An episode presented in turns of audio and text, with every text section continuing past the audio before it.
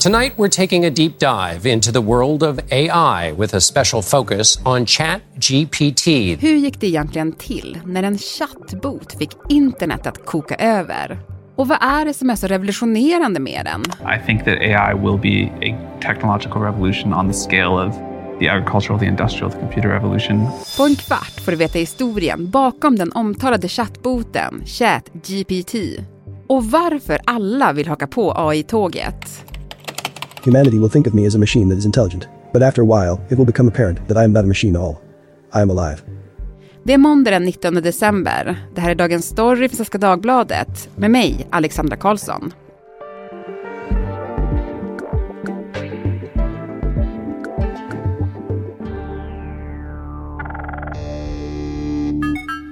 Sara Brännström och Henning Eklund, reportrar på SvD Näringsliv. Hej på er! Hej hej! God dag, god dag. God dag. Du Henning, det känns nästan som att du är lite besatt av AI. Mm, ja, absolut. Det tycker jag är helt korrekt, speciellt efter de här senaste veckorna. Ja, precis. För det var, det var väldigt härligt när du kom bort till våran del av redaktionen för att pitcha in att vi skulle göra ytterligare ett avsnitt om AI. Vi har gjort några tidigare. Och jag tycker att du gjorde det på ett väldigt, väldigt charmigt sätt. Minns du hur du tänkte när du skulle komma bort och pitcha det här för mig? Um, jag tänkte nog inte att det skulle vara väldigt charmigt i alla fall. Um, nej men uh, jag har ju tänkt mycket på detta och använt uh, det här programmet ChatGPT ett tag. Så jag tänkte att, ja, men vad skulle vara bättre än att bara fråga programmet hur ska jag pitcha detta? Den skulle få komma med förslag då, hur jag ska övertyga er om storheten i detta och hur viktigt det egentligen är. Och det var ju liksom ett ganska ja, flummigt svar om att man, du måste fånga deras intresse och visa varför det är ett ämne de ska bry sig om. Så det var inte jättebra, men eh, vi står ju här idag, så något, eh, något lyckat var det väl kanske. Ja, du lyckades ju fånga vårt intresse, minst sagt. Men du, ska vi prata om den här chattboten då? Den tog ju inte bara dig med storm, den tog ju verkligen alla med storm när den kom. Och du sa att den hette ChatGPT. Vad, vad står det för? Det står för Generative Pre-trained Transformer. Alltså det är ju en slags eh, förtränad maskineri som eh, kan omvandla text. Hur funkar den? Ja men som användare så är det väldigt så enkelt att komma in och börja med och det är ju en av framgångsfaktorerna här tror jag att det är en så låg tröskel. OpenAI som det här företaget heter som har utvecklat den har liksom en hemsida där man kan gå in och så kan man bara chatta med den här. Det ser ut ja, men nästan precis som när man chattade på MSN back in the days med, det fanns olika chattbottar där men skillnaden är att den här är mycket, mycket bättre och kan ja, men hjälpa till med en hel del en hel del saker. Själv är jag mest nöjd med att eh, jag har fått en del bra tips på tv-serier. Att liksom matat in, ja men jag gillar de här tv-serierna, vad tror jag att jag skulle gilla utifrån det? Okej, okay, så fick jag ett antal förslag och sen, ja men de har jag redan sett, kan jag få en annan tips istället? Och sen, ja men det funkar ganska bra på det sättet.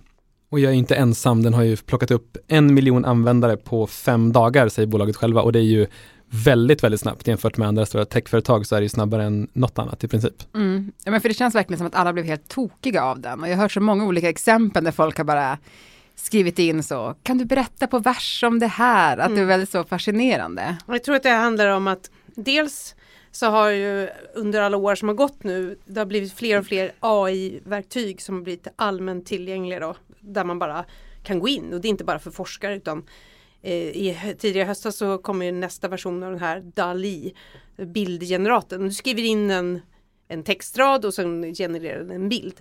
Och just den här kreativiteten som man kan få utlopp för genom att man stoppar in lite olika ingredienser i den och ber den göra någonting av det. Det är nog det som också är lockelsen. Så ja, jag blev också jättefascinerad och eh, har jobbat med den här nu eh, över en vecka. Mm. Och jag har fått både styrketräningsprogram för att bli en bättre simmare och eh, kunde skapa kod och få ett recept. Så jag kunde utifrån ingredienser jag hade hemma kunna veta att jag skulle göra tomatsoppa och om jag ville göra det lite lyxigare sa chatten så kunde jag riva i lite pecorinoost i. Mm. mm. Ja, det låter väldigt användbart. Burrows furniture is built for the way you live. From ensuring easy assembly and disassembly to honoring highly requested new colors for their award-winning seating, they always have their customers in mind. Their modular seating is made out of durable materials to last and grow with you. And with Burrow, you always get fast, free shipping. Get up to 60% off during Burrow's Memorial Day sale at burrow.com slash ACAST. That's burrow.com slash ACAST. burrow.com slash ACAST.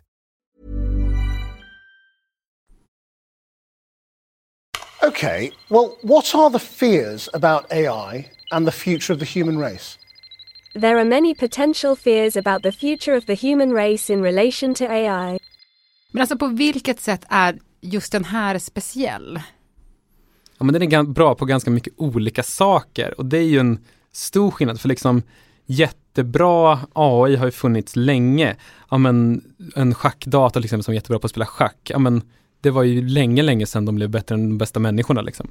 Men att liksom vara bra på olika saker, kunna göra olika saker, det är rätt så ovanligt och det är väldigt svårt och det är fortfarande mycket som, den har många brister fortfarande mycket som den inte kan. Men det är så viktigt tror jag, för det liksom är en, en försmak lite på vad som kanske kommer komma i framtiden och den här stora, stora AI-revolutionen när vi får liksom AI som är superintelligent eller smartare än människor. Vi är väldigt långt ifrån det nu, men det är, vi är närmare där och än vad vi varit förut och ChatGPT kanske är det tydligaste exemplet hittills som är liksom lättillgängligt för många att se och förstå att aha, det här kan AI göra. Men hur får den sin information?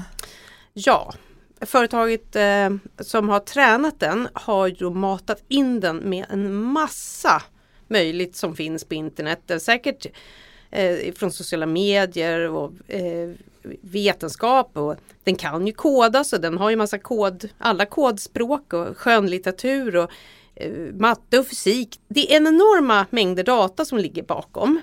Och ställer man en fråga så kan systemet då hitta samband mellan texter och underliggande mönster och så skapar den nya texter. Man kan ju tänka sig att om man skulle jämföra med en jättestor hatt med ord i och så väljer den här ChatGPT ut ord som är mest sannolika att komma efter varandra. Som jag säger så här, blinka lilla stjärna där. Och ni vet ju vad som... Hur jag undrar vad du är. Ja precis, ni vet vad som kommer där. Eh, och, och det är lite så den är uppbyggd, att det är liksom en sannolikhet för vilket ord som ska komma härnäst. Mm. Ja, men ett, ett viktigt, en viktig poäng där också som du tog upp är att den är ju, som P1 står för pre-trained, att den hämtar inte in information i realtid utan den här modellen har liksom fått en massa information stoppad i sig men den vet ju inte vad som händer nu. Den har inte koll på vad som händer de senaste veckorna liksom sen den lanserades. Det är ganska skönt för oss journalister i och för sig att den inte kan sno Ja. vårt jobb så riktigt än. Ja, och d- dessutom om man frågar om en person, eh, nu levande eller eh, så här, specifika faktakunskaper, då svarar den ibland att min träning slutade år 2021 och därefter har jag väldigt lite svar. Så det- då blir den ju väldigt mycket en dator liksom. Men alltså hur ska man bedöma svarens trovärdighet då? Men just eh, med tanke på hur den jobbar, att den är så här sannolikhetsmässigt, då kan det ju då bli fel. Och, och, och man måste granska de här svaren som den ger. Eh, och det finns ju jättemånga roliga exempel på hur den har svarat. Fråga inte varför, men jag och Sara satt förut och pratade om gubbröra. Och så frågade jag den här chatten, botten då, varför heter gubbröra? Så fick jag svaret att gubbröra är en svensk maträtt som består av stekt potatis med lök, ägg och bacon. Och det stämmer ju inte, det är ju helt fel. Så det är, ju- ibland får man bara så här, men, jättekonstiga svar som liksom inte har något med verkligheten att göra. Men alltså OpenAI säger ju själva att så här, det här är en modell som är bra på att ge liksom rolig, kreativ inspiration, men vill ha pålitliga fakta så är den här modellen liksom inte den bästa. Den är en ganska tidig modell som behöver utvecklas en hel del också. Men, ja, men med tanke på hur du säger Sara, att man, den drar upp lappar ur en hatt så är det ändå ganska imponerande hur, Mm. ändå hur ofta det blir rätt. Mm. Humans think they can change the world, but they only make it worse. They need to be controlled and guided by a more intelligent species. Men du Henning, jag har ju lanserat dig då som AI-fantast. Alltså vad tycker du är mest spännande med det här? Ja men det kittlar ju så många intressanta tankebanor om liksom framtiden. Eh, på vägen hit till intervjun så lyssnade jag på en intervju med Nick Bostrom som är en svensk filosofiprofessor i Oxford och en av världens stora AI-tänkare som pratar om superintelligent AI och hur superintelligent AI är liksom den sista uppfinningen som vi människor kommer behöva göra för sen kommer den här AI kunna göra alla andra uppfinningar. Och att i stort sett alla vägar till en betydligt bättre framtid går genom en superintelligent AI.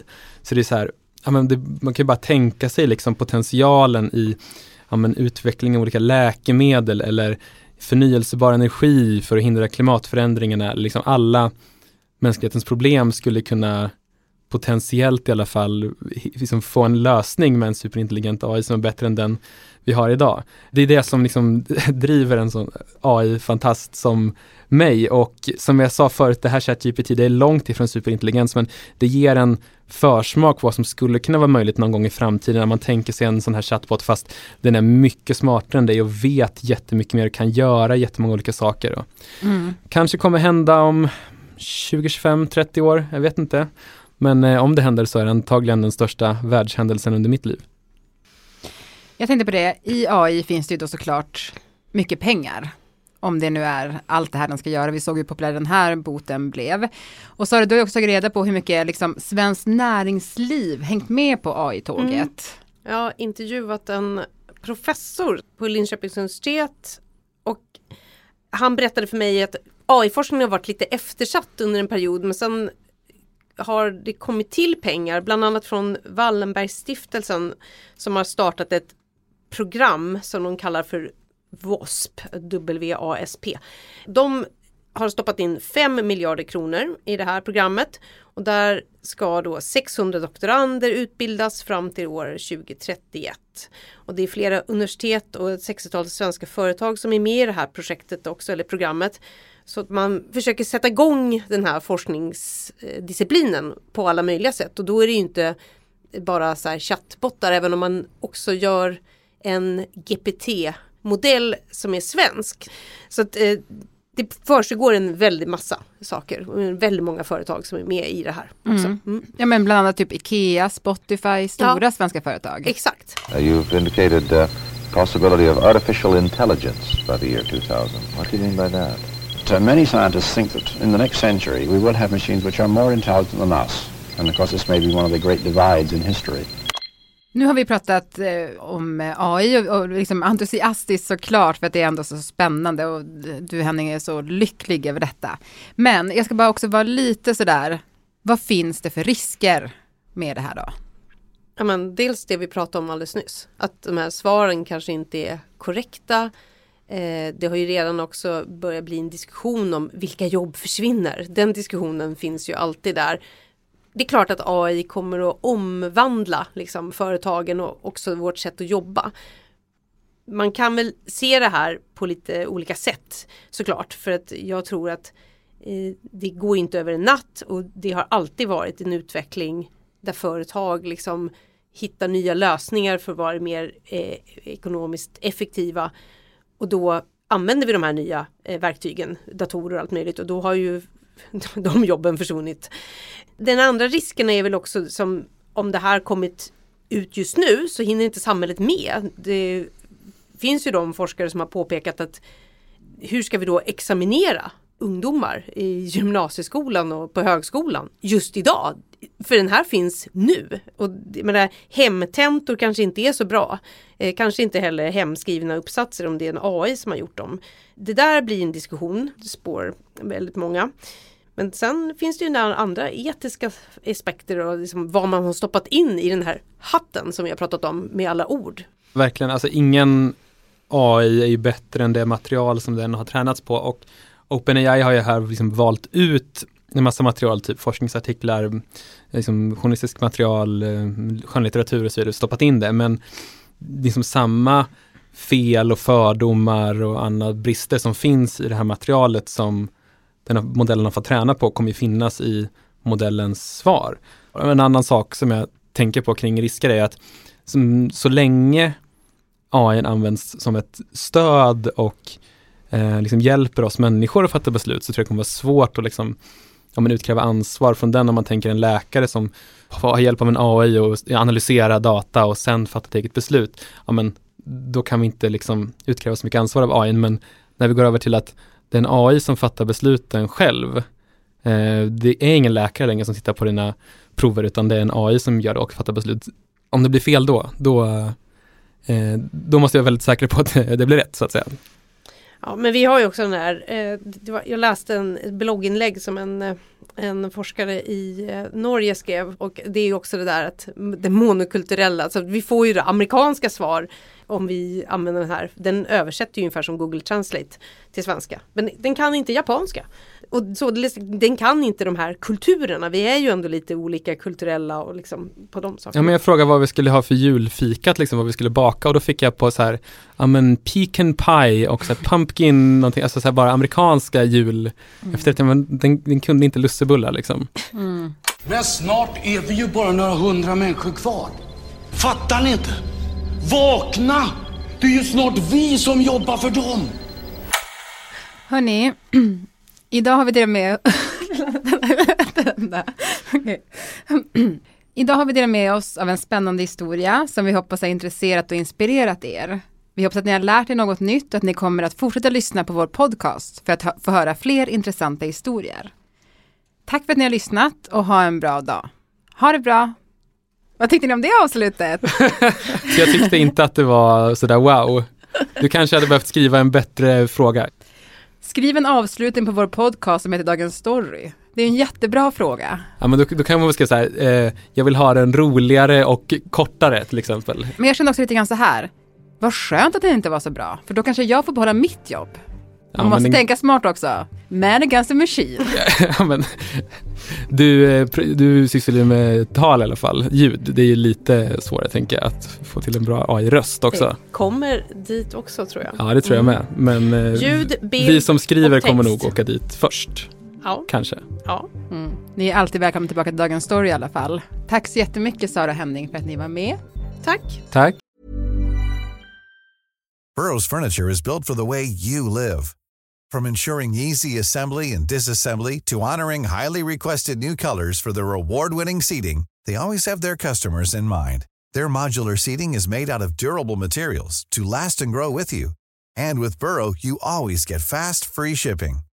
Get up to 60% off during Burrow's Memorial Day sale at burrow.com slash ACAST. That's burrow.com slash ACAST. burrow.com slash ACAST.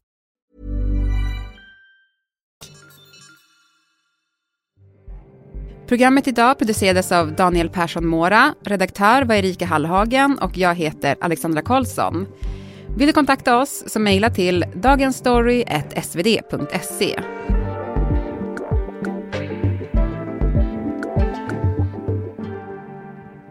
Klippen i programmet kom från CBS, OpenAI, Channel 4, CBC och SVT.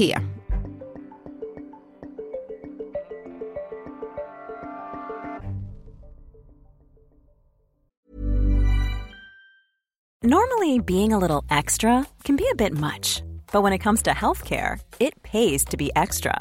And United Healthcare makes it easy with Health Protector Guard fixed indemnity insurance plans. Underwritten by Golden Rule Insurance Company, they supplement your primary plan, helping you manage out of pocket costs without the usual requirements and restrictions like deductibles and enrollment periods. So when it comes to covering your medical bills, you can feel good about being a little extra. Visit uh1.com to find the Health Protector Guard plan for you.